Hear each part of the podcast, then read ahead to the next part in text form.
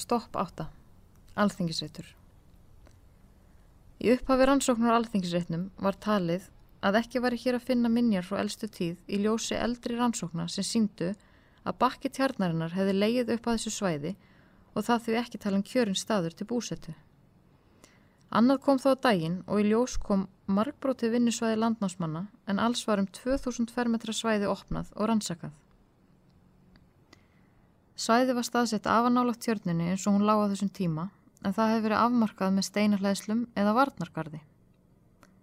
Viðastígur um 18 metra langur lág meðfram varnargarðinum og er vel hægt að ímynda sér að þar hafi fólk gengið á milli svæða innan marka gamla bæjastæðisins.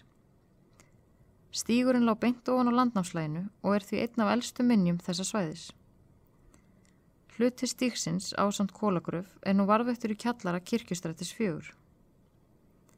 Við söðurenda varnagarsins var smiðja og út frá henni lág hellilögð stjætt.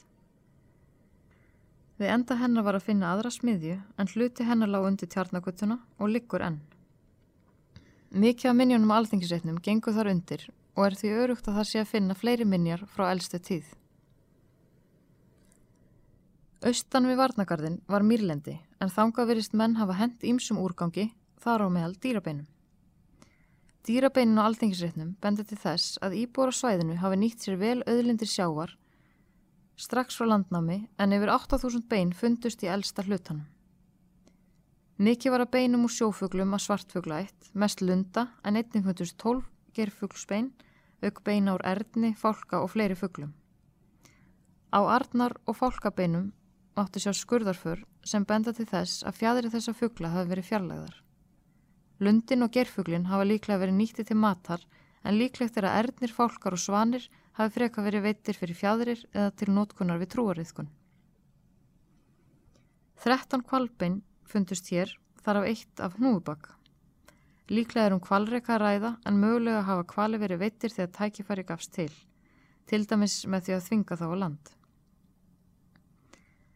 Á vikingöld voru kvalbein mikilvægt hráöfni ímisverkvari og smágripi svo sem kotrur og teninga en mátti sjá ummerki um verkun á mörgum kvalbennuna úr uppgreftinu.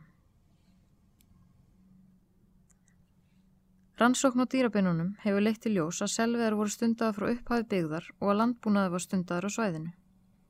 Íbúar þar nýttu sömu hústýr og fundist hafa í öðrum uppgröftum á landinu frá sama tíma. Það er greinlegt að hér hefur verkmenning verið fjölbreytt á fyrstu öldum landnáms. Meðal annars var veglegt eldstæði grafið upp en hlutverk þess hefur verið markþætt. Í því fannst mikið magna byggi, klebergsbrott, kól og brend dýrabein. Þar hefur farið fram kortþurkun og bakstur á einhverju stígi og hugsanlega bruggun af einhverju tægi. Fordlega fræðin rannsakar meðal annars efnismenningu fortíðarinnar og með því að skoða gripi, greina jarðveg og samhengi þar á milli er hægt að tólka hvað fólk var að gera á hverjum stað fyrir sig og hvernig samfélagi var uppbyggt. Hér má ímynda sér samægilegt aðtapnarsvæði þar sem fólk í nærlingjandi húsum kom saman, þar sem gert var til kóla, unnið járn, smíðu verkvari, þurka korn, gert af fiski, súta skinn, reynsuð ull, dýrum slátrað og margt fleira sem tilherði heimilsaldi þessa tíma. Ef þið fyrstir í meiri upplýsingar um landnámi Reykjavík þá er landnámsýningin 871 pluss mínus 2 hér rétt handa við hornið. Hún er ofin alla daga frá klukkan 10 til 5. Vertu velkomin.